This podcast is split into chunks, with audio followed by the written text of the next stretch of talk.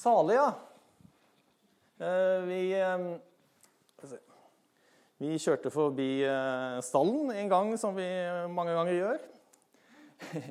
Og der hadde det vært litt kaldt, og en av hestene hadde fått på seg dekken, så den ble litt varm. Og da ble det sagt at Og nå så den hesten salig ut. Hadde det bra.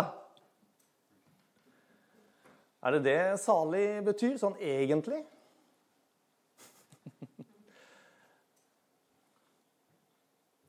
Og det blir, sånn, eh, det blir gjerne en sånn eh, Man sier at eh, nå kjenner jeg meg salig fordi jeg har så gode følelser. Det er et eller annet som er ekstra godt.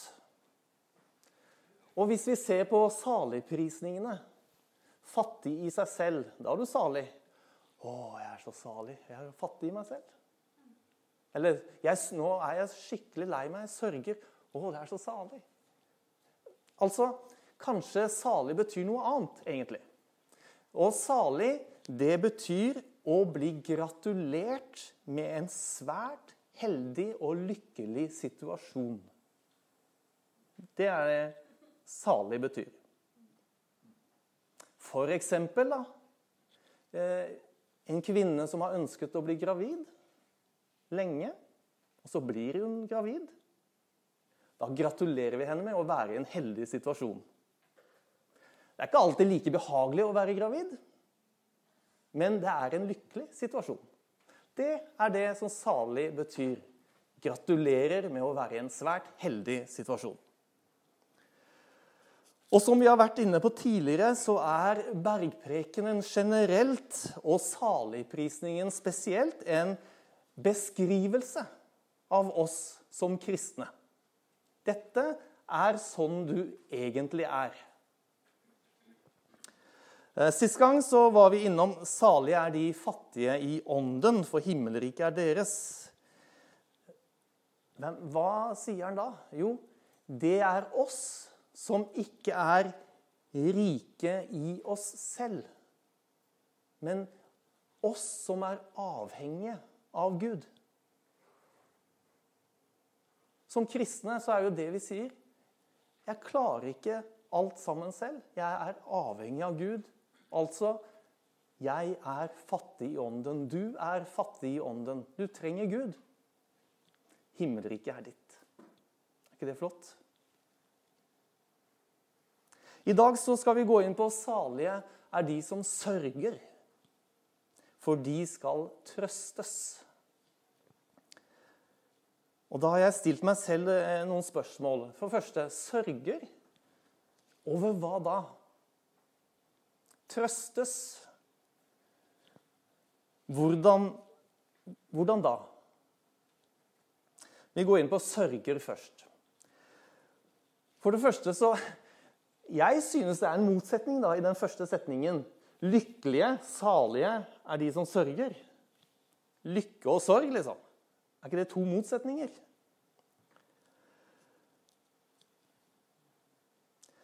Salme 126, vers 5, så står det De som sår med tårer, skal høste med jubel.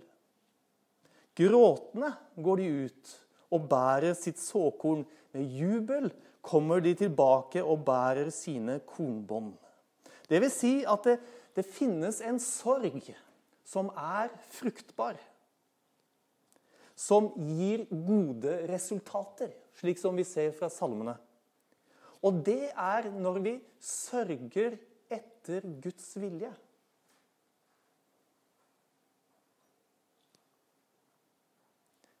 Og jeg, tenker at vi, vi, skjønner automatisk hva det betyr. det betyr. Vi ser en forskjell når jeg sørger noe som er Når jeg er lei meg for noe som er etter min vilje, ikke skjer. Eller om jeg sørger fordi det er noe som jeg lengter etter i Guds rike. Det er en forskjell på Guds rike og mitt rike.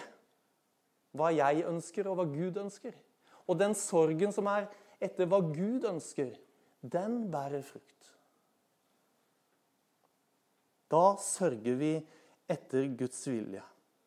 I 2. Korinterbrev kapittel 7 så står det Sorgen drev dere til omvendelse. For dette var en sorg etter Guds vilje. Altså har vi ikke gjort dere noen skade. En slik sorg fører til omvendelse og frelse. Og det angrer ingen.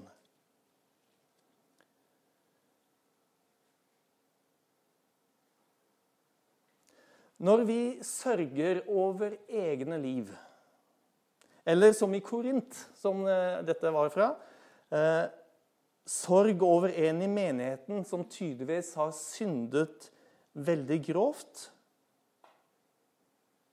Og så fører denne sorgen til omvendelse og frelse. Da kan vi bære frukter som svarer til omvendelse, slik Jesus sier i Lukas 3, 8, så bær da frukt som svarer til omvendelsen.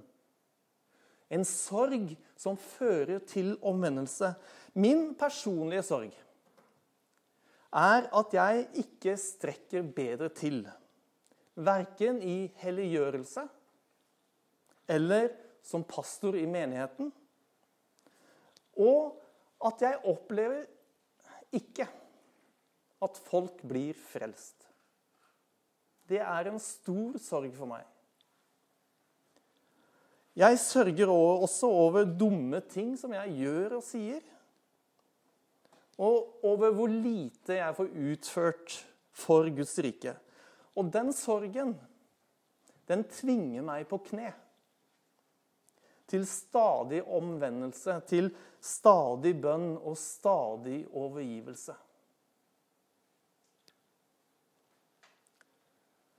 Men Bibelen beskriver også andre former for sorg. Ikke bare sorg over synd eller at vi ikke strekker til. At ikke store, flotte ting skjer. Men også en sorg når vi har mistet noen vi er glad i.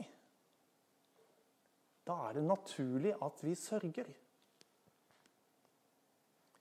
Paulus sier i 1. Tessaloniker kapittel 4 vers 18.: Trøst og sett mot i hverandre med disse ordene.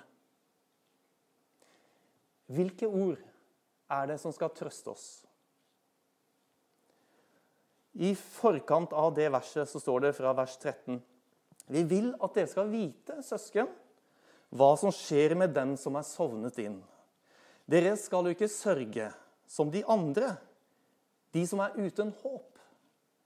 For om Jesus døde og sto opp, og det tror vi, så skal Gud også i Jesus føre den som er sovnet inn, sammen med ham.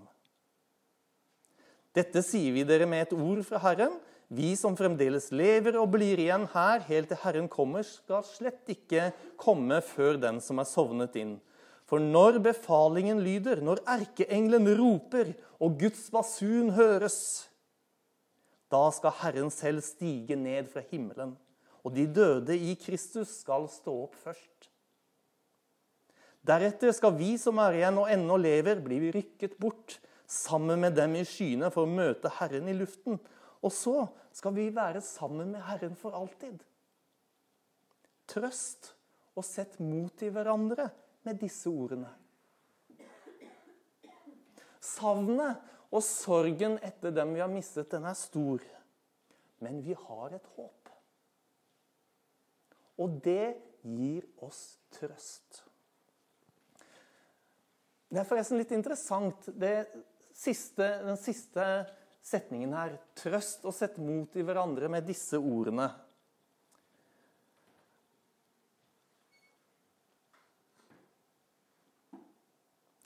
Det er litt interessant i forhold til vårt vers i Matteus 5, 4. Salig er, de som sørger, salig er de som sørger, for de skal trøstes. Trøst. Det ordet 'trøst' i bergprekenen Matteus 5, 4, det er akkurat det samme ordet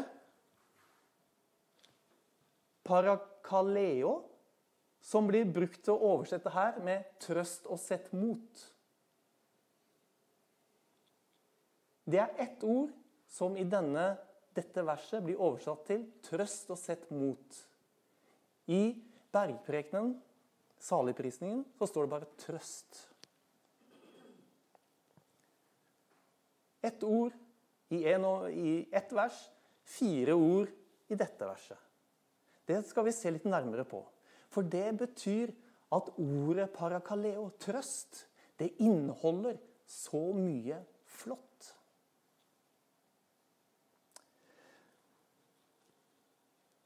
Ja, Tilbake til Matteus 5,4. Salige er de som sørger for de skal trøstes. Parakaleo. Det Ordet trøst har altså en vid betydelse. Eh, det kan bety å oppfordre, formane, oppmuntre, sette mot i og trøste, selvfølgelig. Alt det inneholder det ene greske ordet.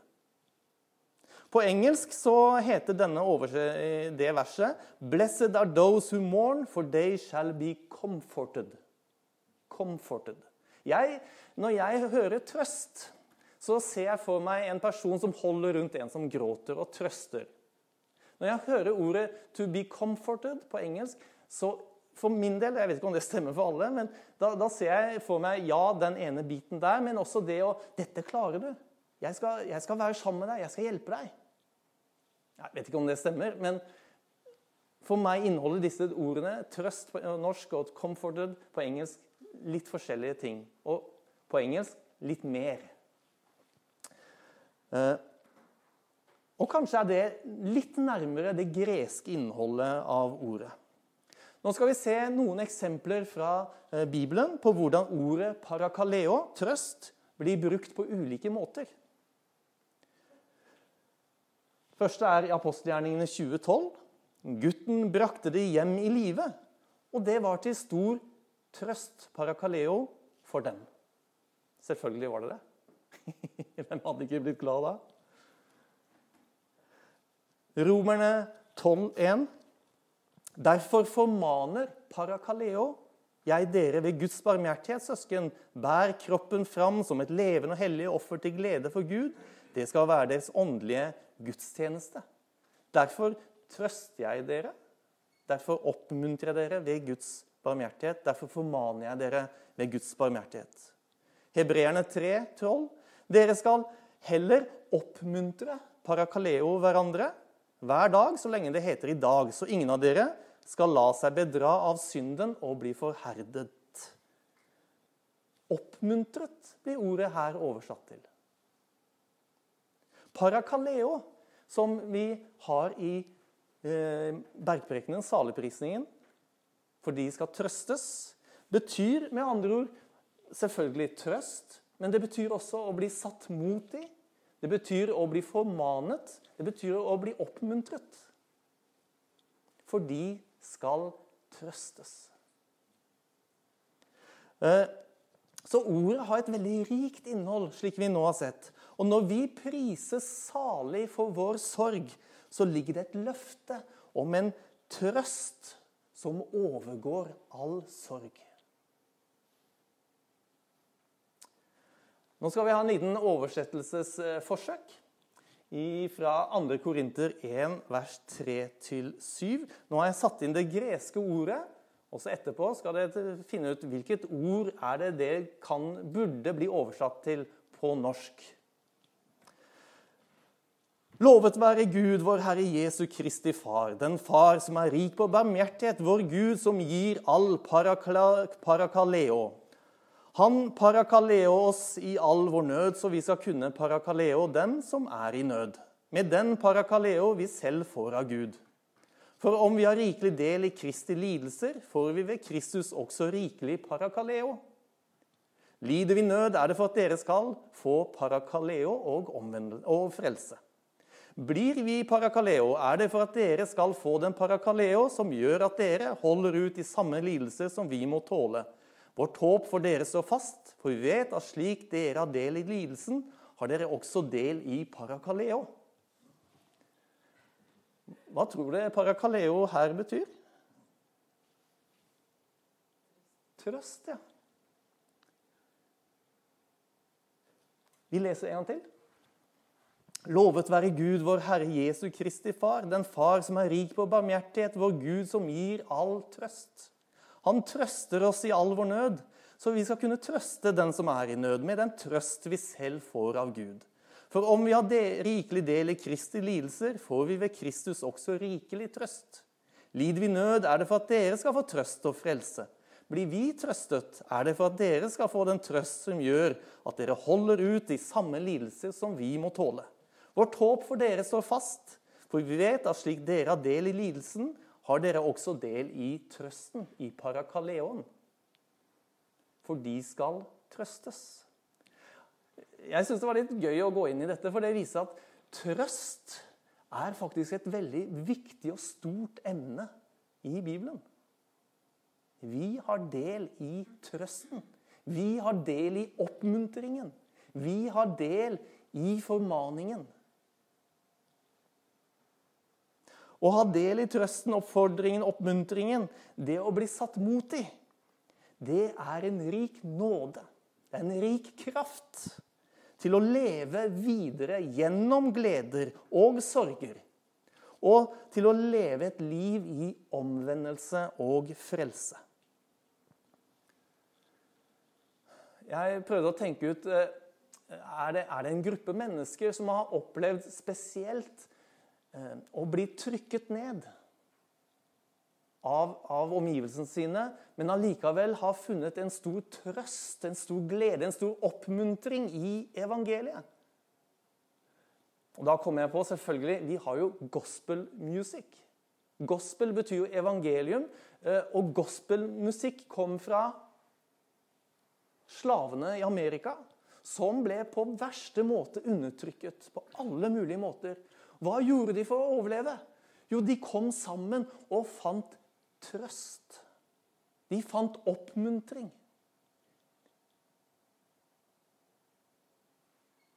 Salige er de som sørger, for de skal trøstes. Og der fant de trøst, styrke og frelse gjennom evangeliet. Et eksempel på det i litt nyere historie, det er Mahalia Jackson, som synger 'How I Got Over' i Washington 1963. Det er den samme hendelsen hvor Martin Luther King holdt sin berømte tale 'I Have a Dream'.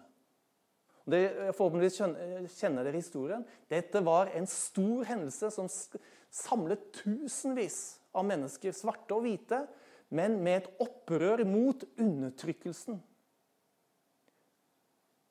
Og det var med og skapte og definerte eh, Amerika på en helt ny måte, og som fremdeles preger Amerika.